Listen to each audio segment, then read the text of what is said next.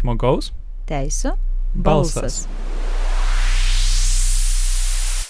Sveiki, mėly klausytojai, su jumis sveikinasi laida Žmogaus teisų balsas. Šiandien neįprasta proga, nes laidoje turėsime svečių, bet pirmiausia sveikinasi su Gedre. Labas. Apie ką Gedre šiandien šnekame?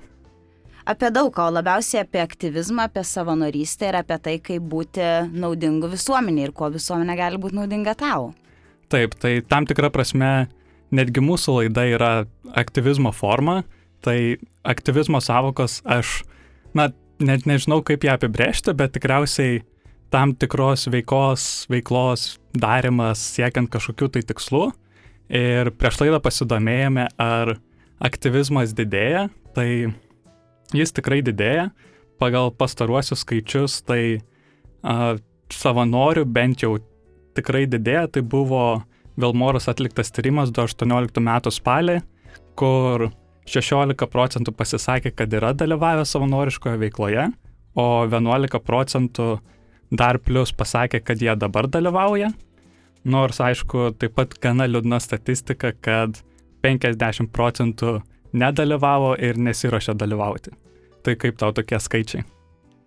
Na, iš tiesų, skaičiai turbūt parodo, kad turim didelę atskirtį tarp amžiaus grupių, kalbant apie aktyvizmą. Bet kitas dalykas, kodėl norėčiau pagrysti, kodėl šiandien kalbam apie aktyvizmą, tai būtent socialinių e, tinklų įtaka. Ir čia užkart galime prisiminti, pavyzdžiui, Tuniso atvejį ir turiuomenį arabų pavasarį, kai visas protestas, visas e, pavasaris, visas perversmas būtent buvo ir suorganizuotas per Facebooką, ar ne? Tai mes labiau galime būti aktyvūs dabar naudodami socialinių tinklų platformas. Tai šitas dalykas būtų turbūt irgi svarbiai paminėtinas.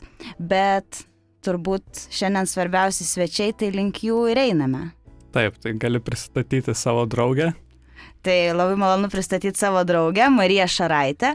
Marija Šaraitė yra tas žmogus, kuris yra atsakingas už baltasias pirštinės ir už kitą nuostabią iniciatyvą City Alumni. Ar Marija, aš nieko nemeluoju, sakau teisingai? Lyg ir taip, sveiki. taip, o aš taip pat pristatau savo kolegę, tai Raminta Matulytė, LMS pirmininkė kuri labai džiaugiasi, kad prisijungė šiandien prie mūsų ir tikrai, manau, turės daug ką pakomentuoti. Tikrai taip, sveiki. Jeigu kam dar neaišku, tai Almas yra Lietuvos moksleivių sąjunga. Čia tokį tiem, kas nežino, kas tai yra. Taip, dar vienas naujas dalykas.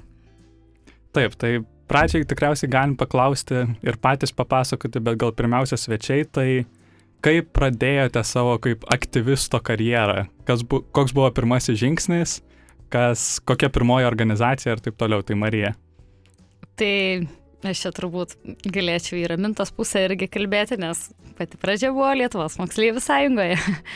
tai žinoma, dar mokykloje, nuo paprastų tų pirmųjų žingsnių, kai a, tampi klasės seniūnų. Tada jau keliauji e, kalbėti apie bendrus mokyklos reikalus e, mokinių taryboje, tada tampi jau ir gimnazijos prezidentu, tai, tai jau mokykloje iš esmės dariau viską, kas turbūt be neįmanoma, ką spėjau sutalpinti laikę.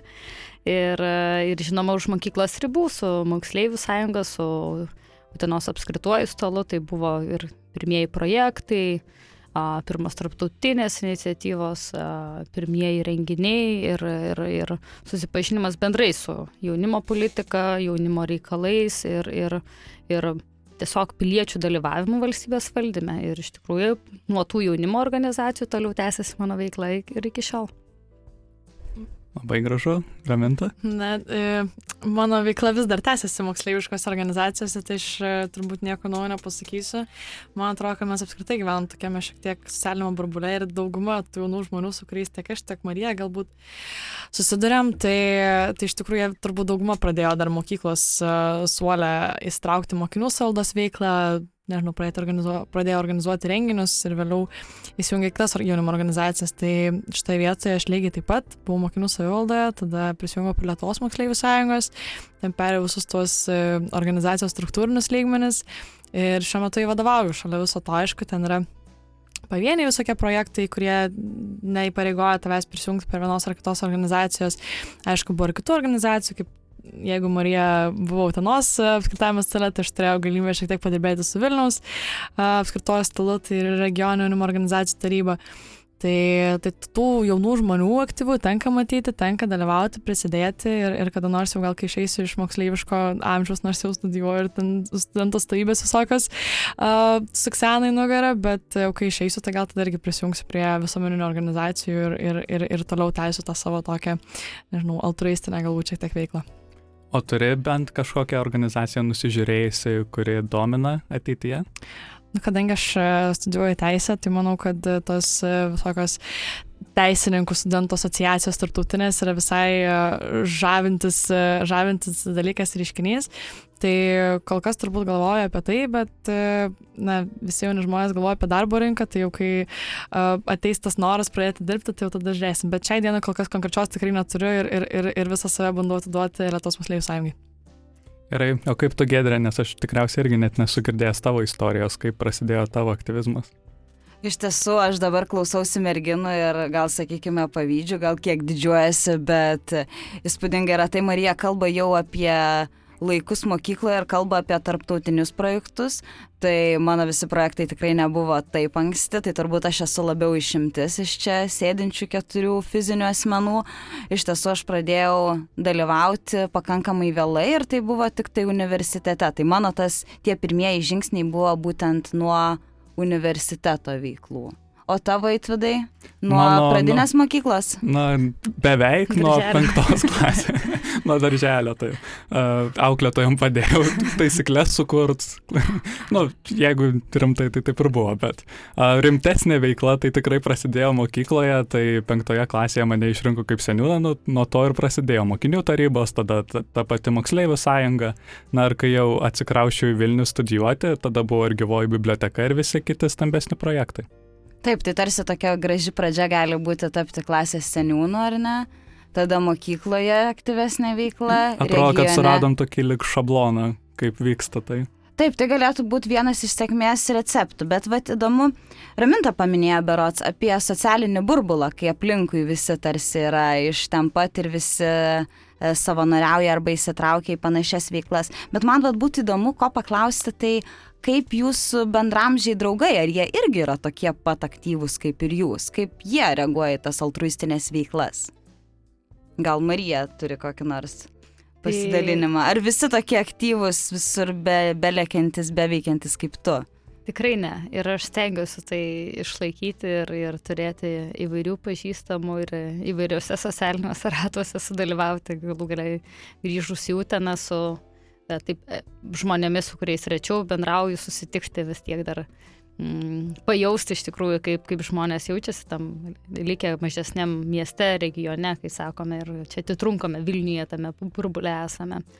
Tai stengiuosi tikrai pakeisti tą aplinką, kad įvairių žmonių sutikčiau ir, ir kartais iš tikrųjų tai padeda kartais susiprasti kad e, tavo visuomeninės keliamos problemos nėra pačios svarbiausias vis, arba e, kad yra daug ir kitų pasaulyje ir gyvenime svarbių dalykų ir, ir, ir kartais tai tikrai padeda ir žmonių tų yra įvairių. Ir aš stengiuosi palaikyti tokį įvairų ratą, tai galbūt tai irgi vėl padeda šiek tiek iš kitos pusės to aktyvizmo, lik, likę žmonės, pažįstami kontaktai, tarkim, nuo moksleiviškų laikų, kai sportuodavau, kai kuo, kuo nors dar kitų užsiimdavau, tai ar, ar tų pačių bendraklasių buvusių, kur šiek tiek kitokie tie ratai ir šiuo metu žmonės nėra tikrai, e, tikrai aktyvistai, bet, bet kažkada teko susipažinti ir dar iki šiol palaikom ryšį.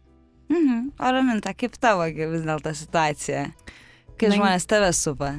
Kadangi aš vis dar užsiemu su moksleiviško amžiaus jaunimu ir, ir, ir mano organizacijoje vis beveik visi žmonės yra moksleiviai, tai tenka tenka ir su jais pasišnekėti ir pasiklausti, kaipgi jums mokykloje sekasi, nes, na, tie, su kuriais mes susidurėm, kuriais traukia į mūsų veiklą, tai natūraliai yra tie patys aktyviausi mokyklose ir, ir, ir judina kiekvieną savo bendrą klasį ar net kartais mokytoją, kad žiūrėkit, veikime kažką, bet natūralu, kad aš ir pati, kai buvau mokykloje, visai neseniai dar, tai labai natūraliai uh, tikrai ne visi įsitraukia į aktyvesnės veiklas, į mokinių savivaldos veiklą ar, ar panašiai, bet man atrodo, kad turbūt ir nereikia, nes e, kiekvienas atranda savo nišą. E, mano didžioji dalis bendraklasių dabar studijuoja fizinių technologinius mokslus ir, ir, ir visiškai to džiaugiasi. Ir su jais labai smagu susitikti, pasišnekėti apie naujausius technologinius bandymus ar dar ką nors, bet tikrai ne apie, na, jie tikrai nėra taip įstraukę į galbūt kažkokius valstybės valdymo procesus ar, ar, ar kažkokius pilietiškumo apraiškas kažkokias.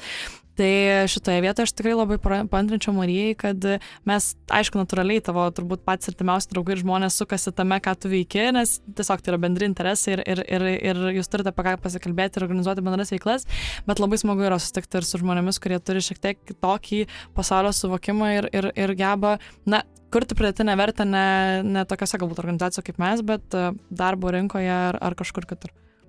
Aš gal tik e, pridurčiau, kai Raminta pasakoja, tai a, tiesiog tokia mintis, kad manau, kad tam ir pačiam aktyvizmui yra tam tikras laikas yra moksleiviai, kurie yra aktyvistai, bet po 12 klasės pasineria į studijas ar kažką tai kito gyvenime atranda. Būna žmonių, kurie moksleiviškais laikais buvo tie, kurie visada tempiami už rankos kažką tai daryti ir nieko, nieko daugiau neveikdavo, bet savęs randa studento stovybės ar kiti dar vyresni, tai turbūt nežinau, čia gal tai sitelumni mūsų iniciatyvos patirtis, kur susiduria labai įvairių žmonių, kai ateina aktyvios mamos, niekada gyvenime prie visuomeninių kažkokių organizacijų organizacijų nėra prisidėjusios, bet va tiesiog turiu daug laiko gražaus ir būtų įdomu kažką faino, prasmingo savo gimtam miestui padaryti ir, ir e, pamokykit, duokit žinių ir, ir, ir kaip, kaip čia ir ką būtų galima nuveikti. Tai, tai irgi turbūt tam yra koks nors laikas kai kuriems žmonėms reikia mhm. atrasti. Tu Marija paminėjo iškart e, mamas ir taip aš iš čia užsikabindama norėčiau iškart paklausti, kaip galvojat, vat visi trys, apie vyresnius žmonės, kaip pas mus yra Lietuvoje su vyresniais žmonėmis, ta prasme, kiek aktyvūs jie yra. Ir to, iš to paties, ko norėčiau paklausti, kaip jūsų tėvai vat reaguoja į visas šitas veiklas, ar kaip į burelį užklasinį, maždaug, okay, gali tai daryti, bet gal susirask tikrą darbą, ar vis dėlto didžiuojasi, palaiko ir irgi nori įsitraukti? Gal pirminis momentas yra tai, kad na, mes jau tie demokratijos vaikai, galima sakyti, ar ne, tai uh, mūsų tėvai, jie dažniausiai reaguoja į tai bent jau pradžioje tikrai įtartinai, kad ką tu čia veiki, gal tu geriau pastudijuok, padirbk ar dar kažką padaryk, bet bent jau mano tėvai tai apsiprato su tuo. Ir dabar jie klausia, jiem įdomu, ką veiki, kas, kas tavo pasaulyje dabar vyksta, nes tie pasauliai vis tiek tokie atskirti, nes, na, jie tikrai nesiuošia įsitraukti į mano veiklą, bet jiems tikrai įdomu, tai nežinau kaip mūsų svečiams.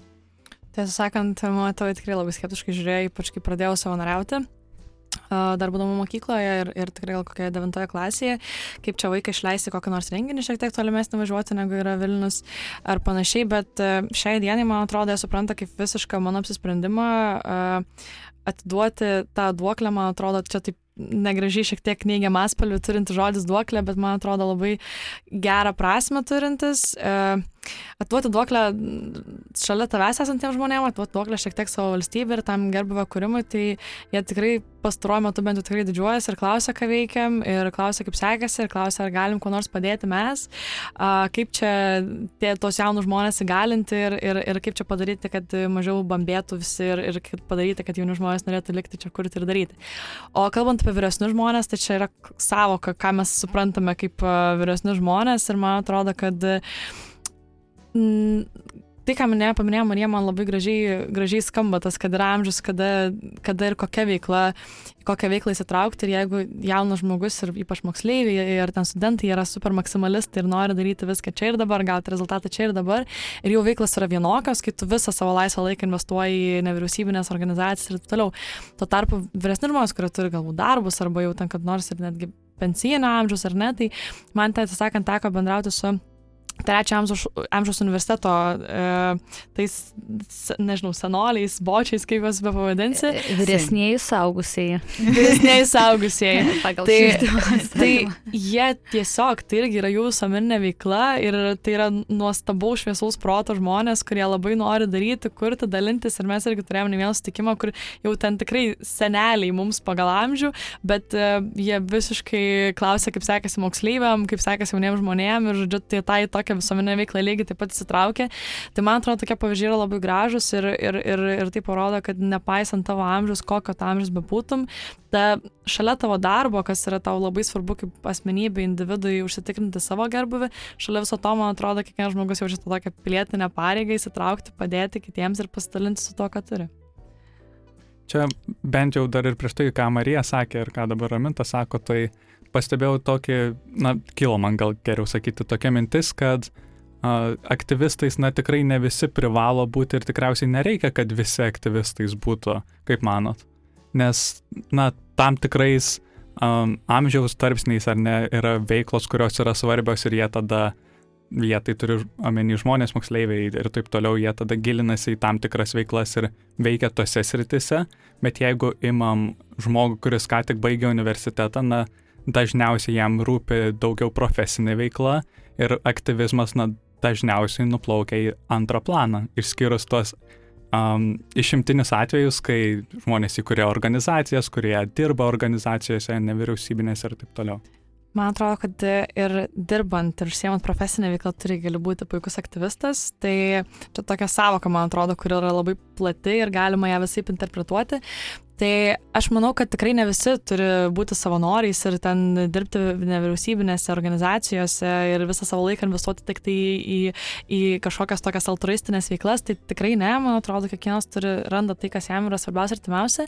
Bet aš manau, kad visi turi suprasti tą pilietinę pareigą ir kad ir kaip tu ją įgyvendinsi, ar tai būtų tavo visuomeninė veikla, ar tai bus tavo profesinė veikla ir darbas kažkoks, kuris gali būti iš pradžios visiškai nesusijęs su valstybės valdymu, bet e, tu galbūt būsi puikus menininkas ir sukursi kokią nors instaliaciją, kuri žmonėms papasakos apie tavo, kaip tu supranti valstybę ir įkvėpsius kitus. Kodėlgi ne? Ta prasme, tai yra labai daug aktyvizmo, kaip aš suprantu aktyvizmą, labai subjektyviai formų ir man atrodo, kad šitoje vietoje, kalbant apie apskritai apskritai žmogaus, ne tik jauno, seno ar, ar apskritai pareigą valstybei ir, ir, ir visuomeniai, man atrodo, kad svarbu suprasti na, tą tokį atsakomybę už save ir už kitus. Tai čia tokia mano nuomonė.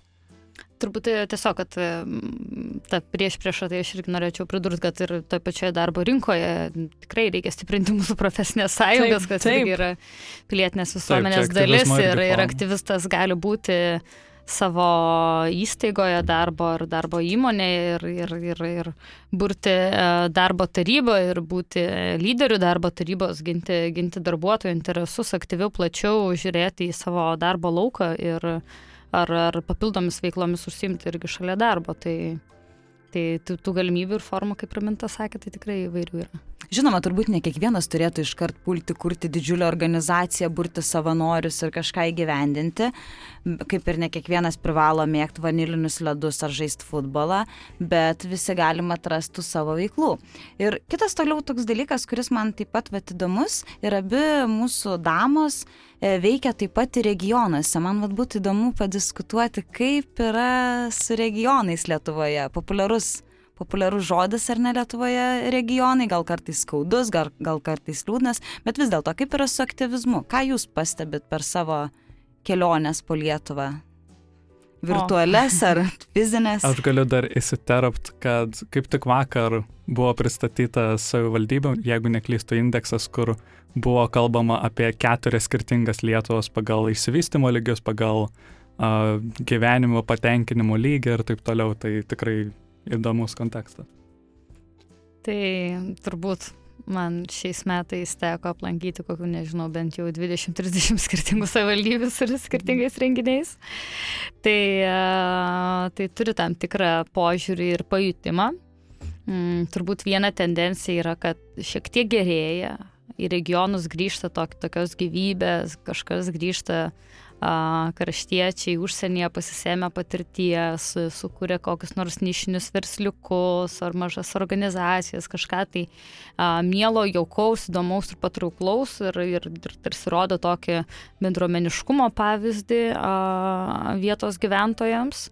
Taip, vienoje pusėje tas pozityvas, bet kitoje pusėje, ką iš baltųjų pirštinių pusės matome ir dabar artėjančių rinkimų kontekste, tai Tai egzistuoja ta dar prispausta demokratija, kur už viską yra svarbiau posto išlaikymas ir už viską yra svarbiau politinė valia, tai, tai yra labai dar gaju ir, ir savivaldybės labai didelę įtaką daro vietiniam klimatui, gyventojų nuotaikoms, bendruomeniškumo stiprumui ir, ir, ir panašiai.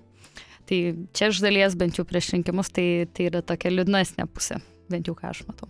Kadangi Marija pati dirbi su net dviem organizacijom ir jos yra, sakykime, skirtingos, nors bendrėjai tikslai yra kaip ir tie patys, ar ne, gražesnė, patogesnė, šaunesnė Lietuva. Gal trumpai papasakok, kokie yra, ką veikia Baltosios pirštinės ir ką veikia Sitė alumne.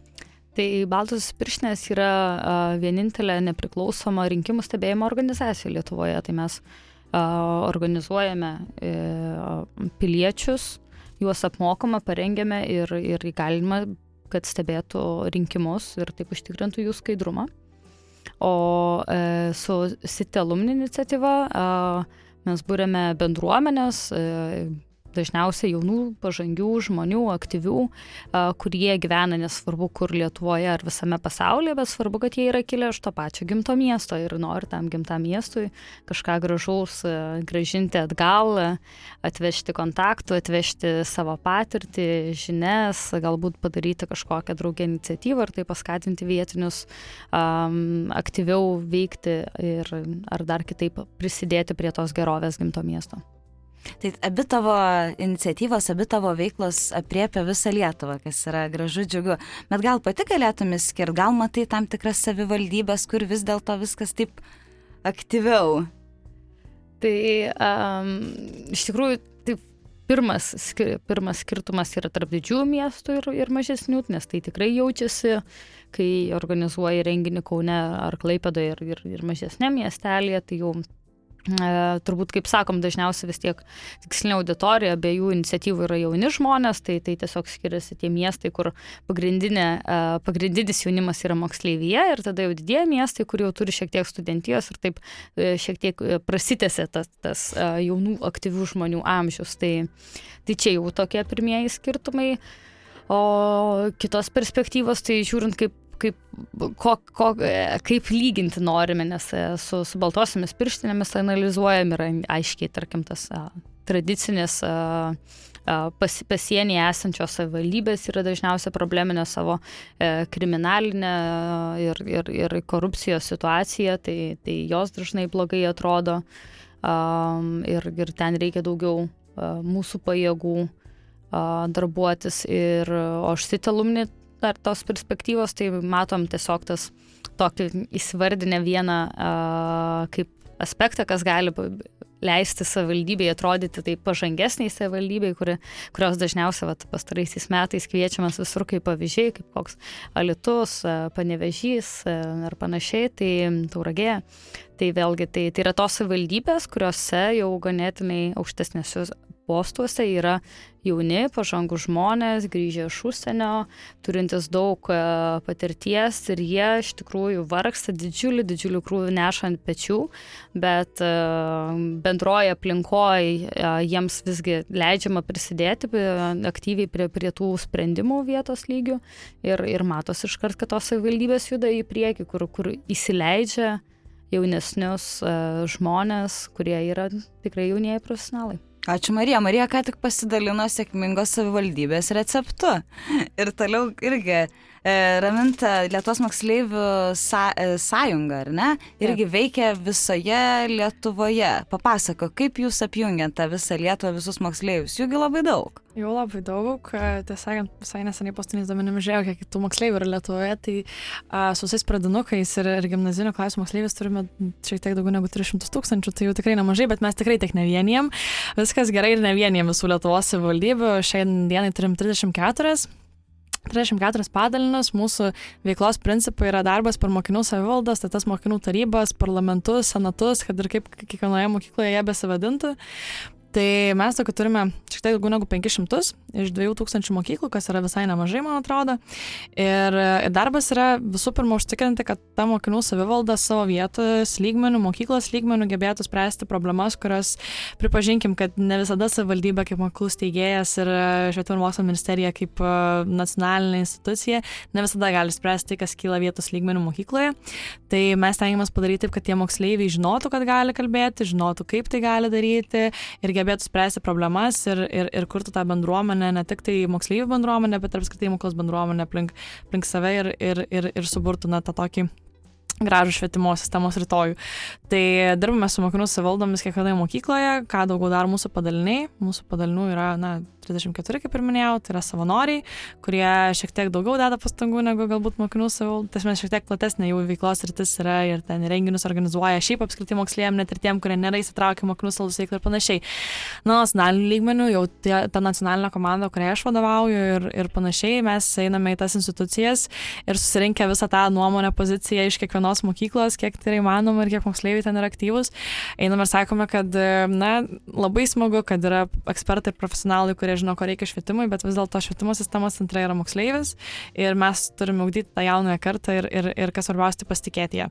Tai mūsų, na, tokia pagrindinė turbūt veiklos tikslai ir principai yra ne tik tai, na, skatinti tą moksleivių įsitraukimą, aktyvumą ir, ir ypač regionuose, kur galbūt, na, jeigu Vilniuje yra labai didelis organizacijų pasirinkimas ir čia galėti savanoriauti praktiškai kur nori, tai ypač mažesniuose savivaldybėse, mažesniuose miestuose tokių nuolat veikiančių organizacijų yra pakankamai mažai. Ir, na, mes turime ir įvairios renginius, kurie vyksta keturis kartus per metus ir ten, žodžiu, kur moksleiviai gali atvažiuoti iš, iš savo regionų ir pamatyti daug kitų moksleivių, pasidalinti dėmesį ir panašiai. Tai mes skatinam ne tik tą moksleivių užimtumą, bet ir galimybę jie būti jiems įgalintiems tiek mokykloje, tiek savivaldybės lygmenių spręsti tas regiono problemas, tiek, na, įsitraukti ir nacionalinius procesus, kad, na, tai, ką mes išgirstame nuėję į kokį nors komiteto posėdį, galim pasidalinti su moksleiviais, kurie yra, na, šiek tiek toliau negu Vilnius ir, ir gali tą pasidalinti su kitais ir, na, tas iš lūpų į lūpas, man atrodo, yra labai svarbu iš tikrųjų siekiant kurti kažkokį pokytį. Mhm, toks tarsi gražus tiltas tarp moksleivių ir dar net nežinau, net moksleivių balsas galima būtų sakyti, ar ne? Taip. Tam tikrą prasme taip. Taip, stengiamės. stengiamės. O ar matai kažkokių blogesnių pavyzdžių savivaldybėse, ar maždaug situacija visur vienoda? Tai ką ir Marija labai gražiai, man atrodo, nušvietė, kad savivaldybės niekada nėra vienodos ir mes labai, kaip moksleivių sąjunga, labai tai pastebim per švietimo sistemos kokybės prizmę, dėl to, kad visai neseniai, ne, neatsiminsiu tikrai dabar, kuri, kuri institucija ir agentūra darė tyrimus apie tai, kad regiono mokykloms, kai kurioms pasivyti, pavyzdžiui, Vilnius licėjų, e, užtruktų dviejus metus. Tai reiškia, kad yra dviejų metų atskirtis, kokie, kokie yra moksleivių gebėjimai, kas yra iš tikrųjų labai daug. Ir, ir vis dar Lietuvoje yra jungtinių klasių, kur viena klasė gali mokytis penktokai ir šeštokai per tas pačias 45 minutės. Tai ypač kalbam apie mažas kaimo mokyklas, kur jauni žmonės yra tokio paties amžiaus kaip ir jauni moksleiviai Vilniuje galbūt ar ne, bet na, tas sistemos atskirtis, kur moksleivis mokykloje praleidžia didžiąją dalį savo laiko, nori tu to ar nenori, tai iš tikrųjų daro šiokią tokią įtaką ir labai priklauso nuo pačios savivaldybės e, veikimo nuo savivaldybės tarybos administracijos, kiek jinai investuoja į jauną žmogų, kiek jinai investuoja į, į, į moksleivį, nes jeigu jauni žmonės, jauni profesionalai gali grįžti ir daryti įtaką, kiek juos įsileidžia, ar ne, tai moksleiviai, na, ne visada juos žiūrima taip patikliai ir sakoma, na, kad ką jūs čia suprantat. Tai iš tikrųjų dary, labai svarbu, kad e, tie vyresni žmonės, kurie dirba tose institucijose, kurios iš tikrųjų gali keisti regionuose šį bei tą, kad jos suprastų vis dėlto, kad na, iš tikrųjų yra savivaldybių, kurios situacija yra apverktina ir kuriuose net jaunimo organizacijos su puikiais jaunais žmonėmis neišsilaiko ilgai, dėl to, kad jeigu nėra palaikymo iš šiek tiek vyresnių žmonių, kurie turi truputėlį didesnį įtaką negu turi jaunimo organizacija, tai labai greitai ta, tas jaunas iniciatyvumas ir jaunas maksimalizmas labai greitai, na, jis būna kažkur pamirštas ir tu natūraliai tada sieki rezultatų, kad kuo greičiau išvažiuotum. Ir taip yra tokia tendencija ir, ir labai smagu žiūrėti tokias savivaldybės kaip Tauragė, pavyzdžiui, kur mums irgi yra labai žavu, nes visai neseniai irgi teko bendrauti su, su, su moksleiviais iš Tauragės. Tai sako, wow, mes darom ir tą, ir tą, ir kas yra labai smagu. Iš kitos pasakau, yra tokių savivaldybių, kur dabar tikrai ne, ne, neminėsiu, nesakysiu kokios ten situacijos, bet kur jokia jaunimo iniciatyva nėra palaikoma ir, ir toks jausmas, kad norima na, specialiai kuo greičiau atsikratyti kiekvieno, kiekvienos šiek tiek maksimalistinės idėjos. Taip, tai gal kadangi apie tai pradėjom, kad vėliau laidoje nebūtų taip liūdna, tai gal dar tokią pusiau liūdną temą galim paliesti. Prieš perinant prie, prie labai linksmų temų, tai ar jums, kai pradėjot savo kaip aktyvistų karjerą, teko susidurti su kažkokia situacija, kur, na, jau pradėjai abejoti, ar tu tikrai tą nori daryti? Galbūt ten mokinių taryba buvo labai engiama mokykloje ar kažkas tokio, ar na, tikriausiai norėčiau paklausti po to, kaip, kaip jūs sprendė tą, tą dalyką ir kaip vis tik atrado dar tos motivacijos eiti toliau. Aš gal labai trumpai uh, vis dar susidurėm ir manau, kad kiekvieną dieną. Uh, viskas, man atrodo, turbūt, kad prasidėjo nuo mokyklos tarybos, nes mano mokykloje administracija buvo labai kietai užgniaužusi bet kokią moksleivių iniciatyvą ir joks šimtadienio scenarijus nepraeidavo be patikros ir cenzūros. Uh, tikrai taip, bet uh, po trečio karto, kai mes atėjome ir pasakėm, kad mes darysim tokį šimtadienio scenarijų, kokį mes norim, ir jūs mums nieko nepadarysite, jeigu mes negalėsim padaryti mokykloje, padarysim kur nors kitur, mums pasakė, gerai darykit. Ir, ir kuo toliau, tuo kiek vis tenka apsilankyti mokykloje, tuo ten vis situacija geresnė ir vis daugiau moksleiviai turi na, laisvės. E, kalbant apie apskritai Lietuvos moksleivių sąjungos veiklą, tai natūralu, kad kiekvieną dieną, kai tu eini ir belėsi institucijų duris ir sakai, išklausykit moksleivius, nes e, mums rūpi ir mes žinom, ko mes norim ir mes tikrai neteisim ir nepasakysim, kaip turi būti idealiai, bet mes norėtumėm, kad mus išklausytumėt, tai tau 15 kartų gali uždaryti duris, kol vienos duris atsidarys. Ir, ir, ir tai yra labai natūralu, kai tu esi jaunas žmogus ir kol tavęs nepradės laikyti tokiu jaunu profesionalu ar ne, tol nieko nebus. Ir jau kai tu pasieki tą lygį, kad tau skambina ir klausia, nes tu pagrasini, kad ten kokį nors suvienysi moksleivius ir padarysi kokį nors protestą, čia aišku, jokaujant, bet, bet kai tu įrodai, kad tu kalbi faktais, o ne nuomonėm, tai, tai man atrodo, kad tai yra labai svarbu ir, ir nereikia nereikia leisti spręsti už tave niekada, jeigu tu ir tavo bendraminčiai turit labai aiškę nuomonę, labai aiškę poziciją, aiškę idėją, kurią norite gyveninti, tai man atrodo yra labai svarbu ne, ne, kartais ne visada klausyti, kas vyksta aplinkui ir, ir belsis tol, kol, tol, kol tas duris kas nors atsidarys, jeigu neatsidarys duris, atsidaryti, atsidaryti langą. Labai banaliai, bet man atrodo, kad yra labai svarbu nenustoti ne ir nepasiduoti, nes tie jauni žmonės turbūt, kad ir bus tie, kurie vieną dieną, jeigu dabar dar nekeičia, nes nors man atrodo, kad keičia, tai vieną dieną labai iš esmės pakeis tą gerbuvę aplinkui. Ir šiaip aš turbūt manau tada labai gerai šalia savęs turėti tokį žmogų kaip praminta, kuris galės visus nusivesti ir parodyti, kur yra tas langas, kurį galima kartu atidaryti. O Marija, tau ar buvo kada nors minčių, vat, mesti viską ir keisti kryptį? Aš sakyčiau, a, tie tokie apmąstymai irgi gali būti dažnai, tik tai a, iš vienos pusės vieną kartą pirminė mintis šoka, o čia gal iš tikrųjų nėra prasmės tiek, ne, tiek darai, darai, darai ir atrodo nepasiekė to pokyčio, uh, bet, bet draugė su kai kuriais iššūkiais, kai susiduri, tai kaip tik, o, čia yra blogai, vas, su šituo reikia dar padirbėti. Tada, tai, tai būna tas toks dviprasmiškas ir čia priklauso jau nuo nuotaikos, nuo nuovargio, kuris, kuri pirma mintis šauna į galvą susidūrus su iššūkiu, bet turbūt baltųjų pirštinių ypatingai E, gyvenime tai nėra labai lengva, e, kai dirbi savanoriškai, kai daugybė kitų aplinkui savanorių, o politikai jaunus žmonės tikrai žodžio prasme e, kaip nors nepagarbiai vadina, juos išreiškia, jie pilietiškai prisijungia rinkimus stebėti, norėdami E, užtikrinti demokratiją valstybėje jauni žmonės mokosi, o politikai juos bando e, suteršti ir, ir pažeminti, kad jūs čia vieniem ar kitiem atstovaujate ar net gyvai susidurti ir vos nepyktis rinkimų, prie rinkimo apylinkės, kokių yra buvę situacijų. Tai yra tikrai kažkas tai baisaus, kai atsiranda žmonės, kurie taip pamasto ir taip elgesi su jaunais žmonėmis. Tai, va, tai, tai tokių susidūrimų, tai tiek aplinkoje iš savanorių istorijų reikia visada mes turime ruošti savanorius tam, kad Tai yra rinkimai, tai yra pilietinė veikla, bet politikai tai labai nu, mėgsta tuo pasinaudoti, nes vėlgi mes darome sąžiningą dalyką ir nesažiningi politikai uh, Esu gavus, pavyzdžiui, asmeniškai pati grasinimų už darbo partijos atstovų, bent jau tai prisistatė, kai televizijoje pakalbėjau apie a, tam tikrus mūsų pastebėtus pažeidimus. Tai, Tai, bet tam va, va, va, tas ten atvejis buvo, o, reiškia, veikia, galvoju, va, va ten buvo tas, tas kur į pozityvą pranešė, kad uh, kovojam toliau, darome kažkokią įtaką. Bet kartais, žinoma, kai,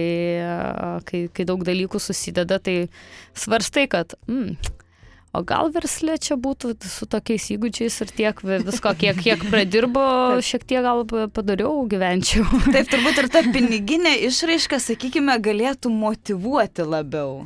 Tai faktas tas, kad, tarkim, jeigu aš dabar jau esu dirbanti NVO sektoriuje, tai tiesiog pragyventi tai yra labai labai sudėtinga, kai ir ypatingai organizacija valdant, kai įdarbini žmonės ir su jais sakai, kad taip, turime kontraktą aštuoniems mėnesiams ar vieneriems metams, pasibaigs projektas ir mes nesame tikri, kad mes turėsime kitą finansavimo šaltinį ir galėsime tęsti darbą drauge. Bet Na, Paplanuokime. Po, po, truputį įstatyminė bazė juda, tai tikėkime, kad ir nevyriausybinio sektoriaus situacija bent jau šioje srityje tikrai pagerės. Na, aš nebūčiau tokia pozityvi. Tiesiog e, NVO taryboje veikiu ir bendrai kitais e, plati, plačiau NVO sektoriui reikalus bandau uh, gaudyti, tai, na, ta prasme, realistiškai vertinkime, tikrai ne, ne, ne įstatymai yra keblumai, kad mes, kad organizacijos neturi finansavimo, tai labai daug kitų dalykų susideda. Ir, ir, ir viena yra turėti įstatymus, kai tam tikrais atšvilgiais rinkimų įstatymai yra tobulai surašyti, bet kaip mes įgyvendinam ir juos kontroliuojam, tai yra tragedija.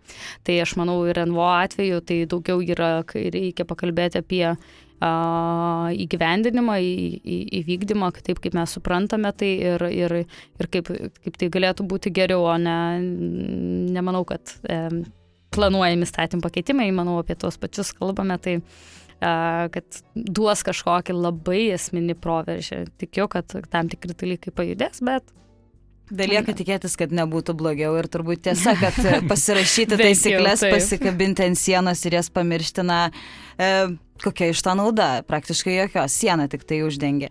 Vienas dar dalykas, taip, truputėlį gal ir rezumuojant dabar taip galvoju, kad motivacija aktyviai dalyvauti gali būti vairi, gali būti ta, kad tave giria, tu matai, kad darai pokytį, bet dabar kaip tik prisiminiau tokią mažą istoriją, kai susipažinau su Marija, vienas jos pirmųjų klausimų buvo, tai dėl ko tau skauda, tai galvoju, štai va irgi motivacija gali būti toks dalykas, dėl ko tau kaip tik liūdna, ar ne, o ne dėl ko džiaugiesi. Bet tai tu, tu turbūt irgi turi pasidalintų savo ribinių momentų. Aš kaip... turiu, bet ne, ne tokių kaip galbūt Marijos, kur yra didelė, kad partijos puola tarp kabučių ar ne. Tai uh, mano momentas gal buvo mokykloje, kai pakeičiau mokyklą, perėjau į gimnaziją ir ten prisijungiau prie mokinių savivaldos veiklos, bet pamačiau, kad na, tos mokyklos sistema, švelniai tariant, yra supuvusi ir jie bando užgneušti visas iniciatyvas ir aš kažkaip pagalvojau, kad neverta man švaistyti energijos, nes ten buvo 11 klasė, galvoju, ką aš čia per du metus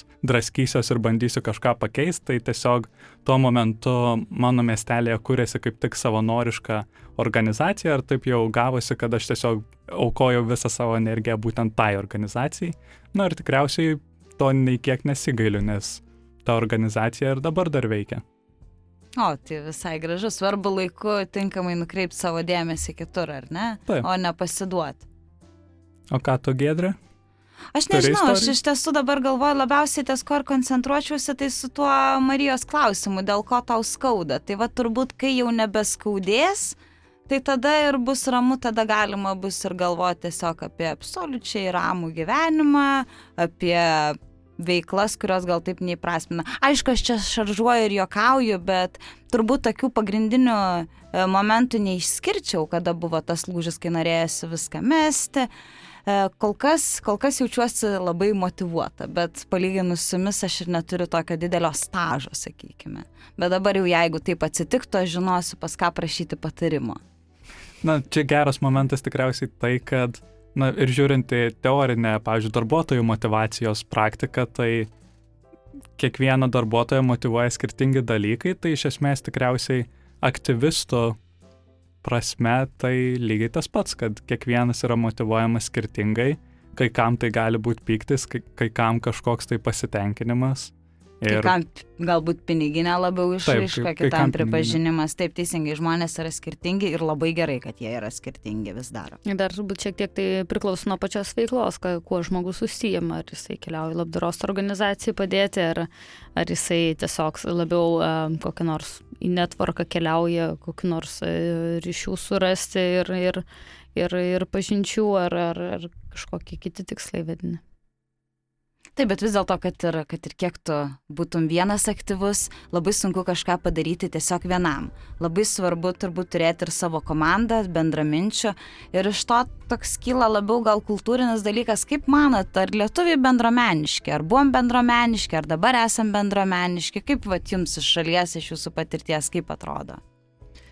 Aš manau, kad yra pakankamai bendromeniški, bet e, tiesą sakant, ir vakar turėjau pokalbį, tokį pamastymą uh, apie tai, kiek mes dažnai kaltinam ką nors, kiek mes dažnai kaltinam visus tik ne save ir kiek dažnai viskas, kas, no, kas nors yra blogas, tik ne aš pats, kad galėčiau kažką pakeisti. Tai man, aš matau labai puikių, gražių pavyzdžių ir kartais bijau, kad gyvenu socialinėme burbule, kad e, man taip viskas gražu ir tokių nuostabių mokyklų bendruomenių yra ir man tie moksleiviai tokie nuostabus ir ten į kokią nors studento stovybę ir ten jie irgi tokie visi bendromeniški ir taip toliau ir tada tu, tada tu supranti ir pasišneki su kuo nors iš to tavo socialinio burbulo išorės ir supranti, kad ne visur taip gražu, kad, e, kad ne visur Ne visur taip žmonės geba susitarti, ne visur geba kurti tą bendruomenę ir mes kartais tą bendruomenę suvokiam, kad e, visi ten turi būti tokie labai glaudžiais ryšiais susiję ir, ir geriausi draugai, ypač jeigu kalbam apie jaunimo organizacijas ir panašiai, bet man atrodo, kad bendruomenės samprata yra turėti bendrą tikslą ir suprasti, kad tavo indėlis yra labai svarbus prisidedant prie to bendrojo tikslo kūrimo.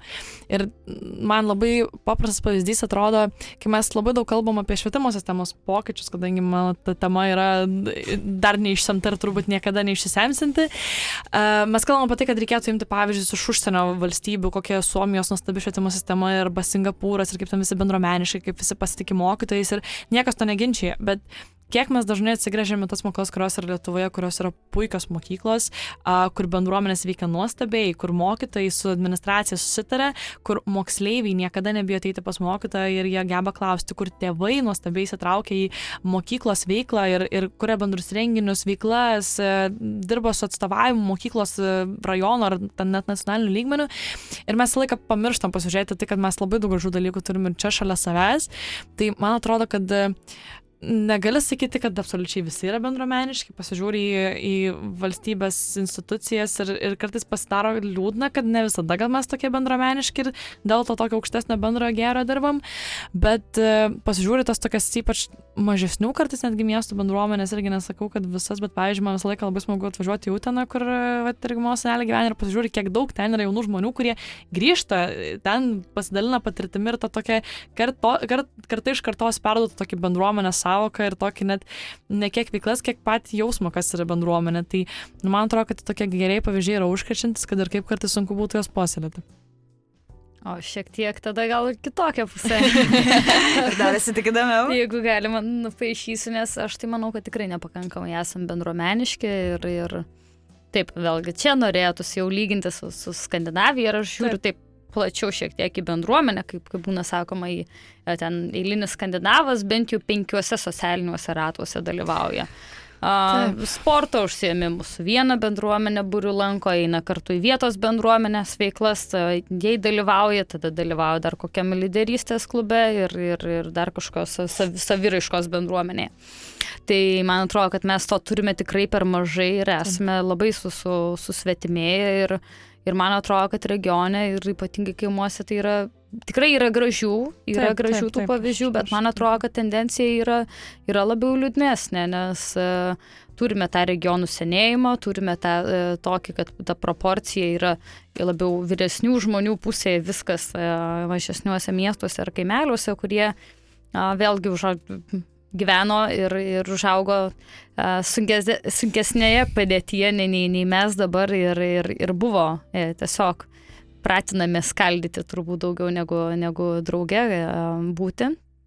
Tai, tai tikrai yra to ir bendraujant, nes tiesiog tenka dirbti ir mokymus vesti įvairiom vietos bendruomenėm ir vietos bendruomenės, manau, kad turi begalės galimybę, bet labai daug bendruomenių susiduria su tom, tomis pačiomis. Amžius 50 plus susirenkam, susirenkam savo, burelis tas pats mažiukas kelia ratas, nėra jaunimo, verkiam, kad nėra jaunimo ir, ir kažkokias eilinis projektus padarom ir, ir, ir kažko tai platesnio, kai galvoji, kokia yra iš tikrųjų perspektyva mm. įtraukti viso kaimo bendruomenę, kurią, iš esmės fiziškai jūsų aštuonių aktyvistų burelis galėtų apeiti ir vietinius žmonės kalbinti ir, ir ieškoti naujų formų ir bendrauti ir įtraukti iš tikrųjų ir tapti vietos bendruomenė, ne, ne, ne dešimties žmonių susirinkimu. Tai, tai galimybių tų yra daugybė, bet, bet aš manau, kad esame dar uh, tikrai tokioje besimokančioje stadijoje ir gal tam tikram, manyčiau, kad jaunimo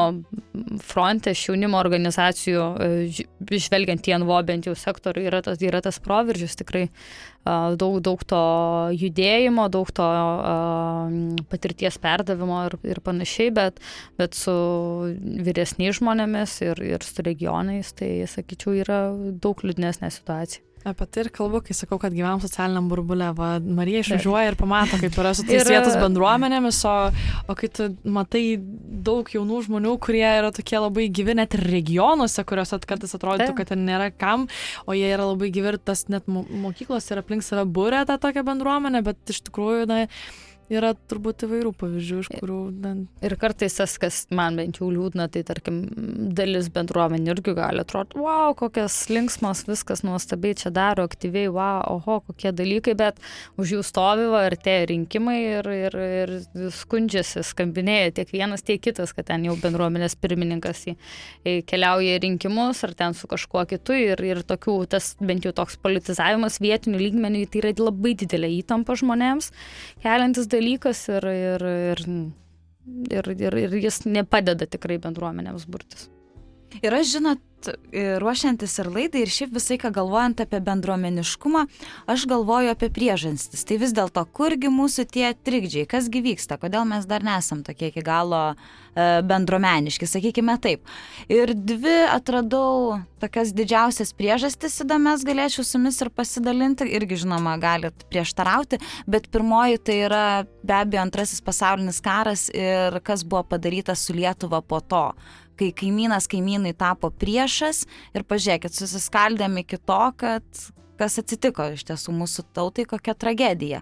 Ir dabar vėl atstatyti tą bendruomeniškumą nėra taip lengva, nors žinoma, visos iniciatyvos mus kelia į viršų, tokie žmonės sėdintys dabar su mumis kaip Marija, kaip Raminta, žinoma, ženkliai prisideda prie to. O kitas dalykas, kas yra svarbu ir įdomu, ką irgi pavyko atrasti, tai gal irgi teko girdėti, kad kuo didesnis miestas, tuo labiau vienišas jautiesi. Ir mažesniuose miestuose, miesteliuose žmonės yra artimesni, nors kaimyną nuo kaimyno sieja 2 km, bet vis tiek dar sakoma, kad na kaimynas už miško ar už, ar už kelio ar ten toliausiai. O mieste vis dėlto visi veiksniai mus taip veikia, galbūt ir tas skubėjimas, pasaulis vyksta taip greitai, mes taip skubam, skubam ir mes irgi vėl pasidarom tik tai individai. Ir ypatingai vakarų visuomeniai irgi pastebima tendencija, kad vis dėlto labiau yra vertinama jau nebe šeima, nebe bendruomenė, o individas kaip po toks. Tai va tokius dalykus pavyko atrasti man. Nors vis dėlto mano toks tikėjimas būtų, kad ir kiek stiprus tu būtum pats kaip individas, na bet vienas, ką tu padarysi vienas, galbūt padarysi gerų dalykų, bet vis dėlto pati didžioji jėga ir yra tavo bendruomeniai. Ir čia visiškai nesvarbu, kokio dydžio yra tavo bendruomenė, tai tu ir savo penkis klasės draugus jau apjungus, jau gali kažką tai nuveikti, ar ne? Taip, taip, aš pritarčiau tavo idėjoms. Pirmą norėjau prieštarauti tavo antrąją idėją, kad galbūt mes netokie individualus, kaip atrodo, ir norėjau uh, panaudoti Marijos duotus pavyzdžius, bet po to pagalvojau, kad, na, aš net savo būto uh, kaimyno nelabai pažįstu, tai tikriausiai tiesos tikrai yra. Ir mes tame. nesisveikinam, pastebėt, mes nesisveikinam. Bet va, aš norėjau va čia va pasakyti, kad bent jau mano, va, esu tokiame džiaugsmingo burbulė Vilniuje, gyvendama senamestėje, kur mane pasiekia informacija, kur, kur mes bendraujame su kaimynais, kur sveikinamės, ne visus tai pažįstam, bet vis kažkokios iniciatyvos juda ir, ir man tai, tarkim, tokia atrodo vietos bendruomenė ir lygiai taip pat vietos bendruomenė, senamiščio bendruomenės informacija pradeda mane pasiekti, tai kas man skamba wow. Ir va taip, man atrodo, taip turėtų veikti ir iškart natūraliai, tiesiog koncentracija tokių jaunesnių, pažangesnių a, žmonių ir gimimasis to tos bendros veiklos, čia šalia gyvena, pasidarykim, kad mums būtų faina gyventi drauge. Ir a, man tikrai jaučiasi tokia, tokia banga ateinanti, nepaisant to, kad jau vat, Vilnius būtų jau tas didžiojo miesto pavyzdys, kurį Gedrė sakė, a, ko, tarkim, nežinau, tenoje, tai nesu girdėjusi, kad, kad bendruomenės kažkaip tai pas, pasiektų ar, ar, ar, ar jos kvieštų, nors a, miestuose, būtent kaip, kaip Utenoje vietos bendruomenių, tai a, nelabai turbūt net yra, vat net nežinau tiksliai. Turbūt, kad nelabai, aš visą gyvenimą e, gimiau, augau ir vis dar gyvenu Vilniuje ir, ir man atrodo, kad e, čia yra nuostabus miestas būti jaunam žmogui. Mm. Bet e, apskritai kalbant apie šiaip jauną žmogų, tas, kuris nėra galbūt jaunimo organizacijos, nes mes tokie įpratę, mums super reikia bendruomenės ir mums reikia kitų žmonių, bent jau už to, ką matau iš, iš savo, savo aplinkinių ratą. Bet apskritai jauni žmonės yra labai individualus labiau individualistai ir jiem vis labiau reikia pokyčio gyvenime. Ir jeigu mūsų tėvai ir seneliai galėdavo 40 metų išdirbti iš principo tą patį darbą ir jiem būdavo svarbu jų darbo kolektyvas ir kaip čia gerai jaus ir panašiai, dabar jauni žmonės gali būti freelanceriai, dirbti vieni namie, išvažiuoti, keliauti kur nors į Tailandą arba į kur nors į Pietų Ameriką ir, ir dirbti ten su kompiuteriu, būti, žodžiu, kokio nors ten web designer ir taip toliau. Ir jiem tai yra visiškai, visiškai normalu, jie išvažiuoja, pažįsta kitas kultūras ir ta bendruomenė net nebetampa toks, jie turi tą savo aplink aplinkinių žmonių ratą, bet ta bendruomenė kaip po tokia nebėra pati svarbiausia. Ir e, štai vietoje, kalbant apie tą, kodėl ta bendruomenė ne, netampa tokia galbūt ar ne e, kokios yra priežastys, kodėl ta bendruomenė ne, nesivysto čia Lietuvoje, tai aš irgi tiesą sakant pagalvojau, kad e, me, tos, kai buvo sovietmetis ir tas baisus okupacijos laikotarpis, kiek aš suprantu tiek iš mokyklos, tiek iš pasakojimų, man atrodo, kad žmonės suprato, kad valstybė turi duoti. Ir, ir valstybė duodavo, nepaisant to, kad ten buvo supriešinimas, panašiai valstybė duodavo. Kiek duodavo, daugiau, mažiau, bet jinai duodavo.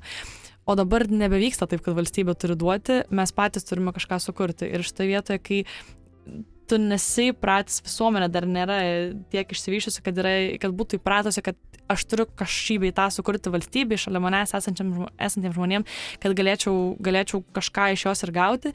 Tai va tada ir dinksta visas e, kūrimo procesas, bendruomenės kūrimosi procesas ir man atrodo, kad tai galbūt yra tie pakankamai svarbus dalykai, kuriuos, na, šiek tiek reikia suprasti ir, ir pradėti nuo savęs. Kai Marija pradėjo šnekėti apie savo senamišą bendruomenę, tai aš pagalvojau, kad aš anksčiau niekada nelinkėdavau žmonėm geros dienos ir, ir aš bet kur kur eidavau, bet kur kur eidavau, ar ten būtų parduotuvės kasininkė ar panašiai, tu susiraukęs praeidavai ir viskas. Ir, ir kai aš pradėjau linkėti visiškai nepažįstam žmonėm, ar tai būtų malodėsitojai kokie nors e, po paskaitos, ar tai būtų uh, kaimynas, kuris uh, praeina laiptinėje, kur gyvena labai daug žmonių, nes yra daugia būtis, arba kokia nors pardavėja kasininkė, arba dar kažkas, ir kai tu išeidama žmogui palinki geros dienos, jam labai automatiškai sukyla šypsena ir jis, wow, kodėl tai yra keista ir mums tai vis dar yra keista, nors tai galbūt neturėtų būti keista. Tai man tas toks kad ne valstybė turi duoti, o aš. Ir toks pats pagrindinis faktorius pradėk nuo savęs ir pažiūrėk, kiek tau daug žmonių, man atrodo, atsakys to pačiu. Hashtag valstybė aš su aš. Taip, taip, taip. taip. taip. Dar abi merginos paminėjo tokį dalyką kaip informacija, kaip socialiniai tinklai, kaip aš galiu pasimti savo kompiuterį, važiuoti į Tailandą ir dirbti. Tai dar tokį įdomų pabaigai dalyką norėjau irgi užčiuopti. Turbūt irgi pastebėjot, kad dabar galbūt tiek ir nereikia gyventi fizinėje vienoje vietoje, kad tu būtum aktyvus. Socialiniai tinklai iš tiesų, internetas, tegu skamba būgnai, įnešė didelį pokytį. Nors kita vertus, čia man apie socialinius tinklus kilo tokia mintis ir irgi čia gal aš taip iš neigiamos pusės iš pradžių pasakysiu, gal matė tą nuotrauką, viena žmogaus teisų organizacija pasidalino, žodžiu, nuotraukoje buvo nuo karo nukentėjęs vaikas ir daug nikščių, daug laikų aplink ją padėta. Ir šūkis šūkis buvo liking is not helping, ar ne, kad vien patiktukai nieko neišgelbės. Tai turbūt irgi pastebėjom, kaip dažnai žmonės mėgsta būti aktyvus tik tai Facebook'e, ar ne, dalintis viskuo, tik tai paspausti.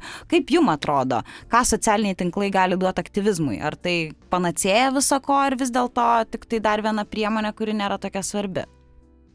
Aš manau, kad tai yra svarbi priemonė ir e, ji tiesiog gali padėti skleisti žinutės, kvietimus, ką iš tikrųjų daryti.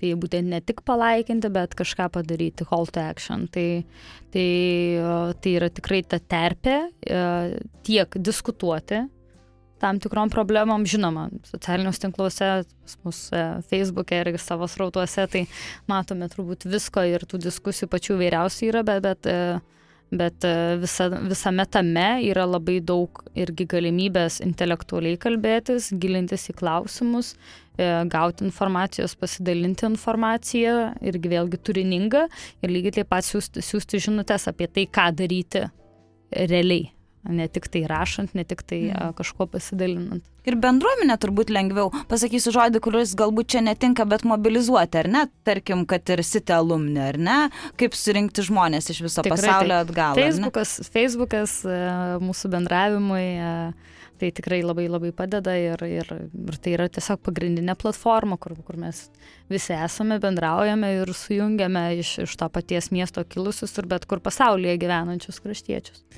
Aš iš tikrųjų galėčiau turbūt tik pantrinti Marijai, bet uh, esminis klausimas, kuris, kuris man kyla, uh, kai vis tiek natūralu, kad mes labai daug laiko praleidžiame tam pačiam, tame pačiame Facebook'e, nes ten vyksta labai daug ko, ten politikai dalinasi savo žinutėmis, ten žurnalistai dalinasi savo žinutėmis. Kažkas uh, dalinasi katėmis. Kažkas dalinasi katėmis, bet irgi parodo tam tikrą, man atrodo, situaciją.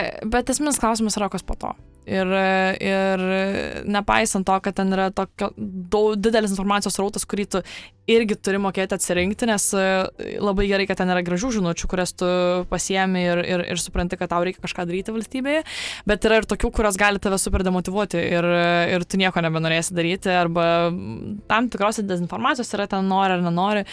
Tai čia yra klausimas, kaip, a, gebėti atsirinkti visą tai, kas ten yra ir, ir, ir kas, kas įkelia atsirinkti, nu, tas man žodžiu, atsirinkti ir turėti kritinį mąstymą yra labai svarbu.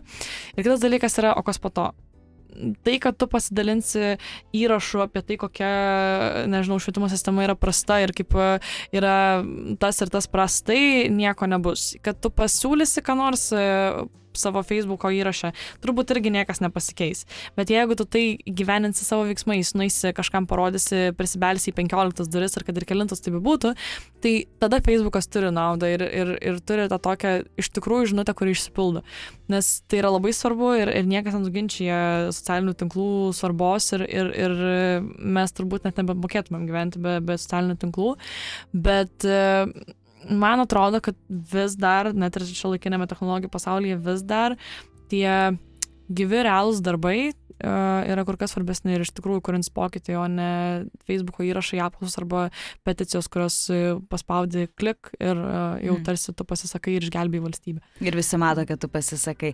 Turbūt labai... Atsiprašau, šiek tiek peticijų, taip, taip. turbūt galimybę reikia stiprinti Lietuvoje ir reikia skatinti faktas, žmonės. Faktas. Aš labai džiaugiuosi matydama draugus, kurie dalinasi peticijomis ir prisijungia prie jų pasirašymų, nes tai vėlgi yra pilietinis veiksmas. Taip, tai yra pilietinis veiksmas, bet uh, sakau, man yra klausimas, kas po to, nes uh, aš turėjau N, mačiau N peticijų, kurias paspaudžiau klik. Ir kas iš to? Ir ka, kas, kas po to su ta peticija mhm. vyksta? Tai, kad mes surinkome parašus ir aš pritariau, viskas gerai ir man labai smagu, kad žmonės supranta. Bet kas po to? Ar kas nors nunešė tą peticiją ir iš tikrųjų ją padėjo ant stalo kažkam ir pasakė, čia yra piliečių iniciatyva, čia yra piliečių nuomonė, daryk, darykim ką nors kartu, ar tai tuo ir pasibaigė. Tai vad, mhm. aš džiaugiuosi, jeigu paspaudė klik ir iš to kažkas įvyko, jeigu paspaudė klik ir jie supranta, kad tai yra svarbu, irgi smagu, bet realus pokytis, man atrodo, ateina šiek tiek kitomis, kitomis kitais būdais ir priemonėmis. Turbūt toks ir gražus dalykas, ar ne? Maratoną, norint nubėgti maratoną, vieno žingsnio neužtenka. Tai tas klikas galbūt ir galėtų būti tas pirmas žingsnis. Tai dabar mes taip per daug toli globaliai nenubėgam, tiesiog merginos pačiai pabaigai, kaip žmonės gali jūsų veikloje būti aktyvus? Kuo gali būti naudingi, naudingi jums, kuo gali būti naudingi valstybė ir kuo, kuo tai gali būti naudinga jam patiem? Gal tiesiog gali trumpai papasakot, ar ne? Kaip galima prisidėti prie jūsų, ką galima nuveikti, kogi reikia vis dėlto? Ogi reikia labai nedaug, reikia tiesiog uh, norėti padėti savo gimtam miestui arba norėti skaidresnių rinkimų. Tai vėlgi kiekvienam pagal, pagal savo poreikius. Mes paprastai su baltosiamis pirštinėmis sakom, tai pirmas žingsnis tai tiesiog dalyvauti rinkimuose. Antra, antras žingsnis dalyvaujant jau rinkimuose pasiskaityti apie kandidatus ir sąmoningai priimti sprendimą. Ir jeigu jau sąmoningai atkeliauji ir, ir ir išreiški savo valią, pagalvok, kad, kad tavo valia tikrai būtų sąžiningai apskaičiuota ir tikrai patektų ten, kur reikia ir netyčia kažkas nepasinaudotų tuo. Tai, tai ir tiesiog stebėk tą aplinką ir, ir domėkis, kas aplinkui vyksta ir apie tai gali tiesiog informuoti ir pranešti. Ir tai, sakytum, mm. artėjančių rinkimų kontekste tai reikia to labai nedaug, tiesiog tokio sąmoningo veikimo, kritinio mąstymo ir akilumo. O visą informaciją apie tiek Baltasis pirštinis, tiek Sitė alumni galima rasti Facebook'e, tam mūsų išgirtame. Facebook'e ir, ir, ir tinklalapiuose, taip. Šaunu, o Raminta, jeigu tu minėjai 30, 34 savivaldybės ir įsivaizduokit, kad dabar 35 klausosi savivaldybė ir mokykla iš tenai moksleiviai. Labai gerai, jeigu klausosi. Visą informaciją galite rasti vmoksleiviai.lt arba tas pats Facebookas Lietuvos moksleivių sąjunga. Tikrai nėra bėdos, drąsiai atrašysime, atsakysime. Tai mūsų veiklos auditorija yra labai ribota ir natūralu, tai yra moksleiviai. Tai jeigu norim, norit prisijungti ar prijungti savo mokyklą prie veiklos ir girdėti kažčiausias naujienas, kas vyksta Lietuvo švietimo sistemoje, tai tikrai galima tai daryti ir, ir svarbu, kad būtų moksleivis. O apskritai, kalbant apie jaunimo organizacijas ir jaunus žmonės, man labai patiko tas išsakymas, o kas skauda, tai vad jeigu skauda, nereikia sėdėti ir tik klikinti, viskas gerai dalintis, pasakoti kitiems ir, ir, ir išsakyti savo nuomonę, bet reikia pakelti ranką, pirštą ar, ar koją, ar kad ir ką tai, žodžiu, kad ir ką tai bereikštų, ir ateiti ir padaryti. Tai vat, nu, man atrodo, kad viskas prasideda iš tikrųjų nuo to, kas skauda ir, ir nuo to, kas iš tikrųjų svarbu ir, ir, ir domėtis mokytis, kurti, puoselėti ir turbūt, kad niekada nepasiduoti. Kaip gražiai apibendrina. Labai ne? gražiai. Toks. Taip, tai turbūt tiek šiam kartui mes ir norėjom pasakyti. Norėjom pasakyti daugiau, spėjom tik tai tiek. Tai aš Bus dėkoju. antra dalis kažkada. Taip, e, galbūt po laidos neformaliai mes dar, Taip. ar ne. Tai ačiū labai damom, kad atėjo, kad pasidalino. Ačiū Eitvidai. Ačiū tau, Gedra. Ir apsilankykite mūsų svetainėje Žmogaus teisų balsas, mūsų feisbuke. Ten rasite ir kaip prisijungti prie mūsų ir ką galite nuveikti kitur. Tai ačiū. Dėkui. Iki. iki. Visą.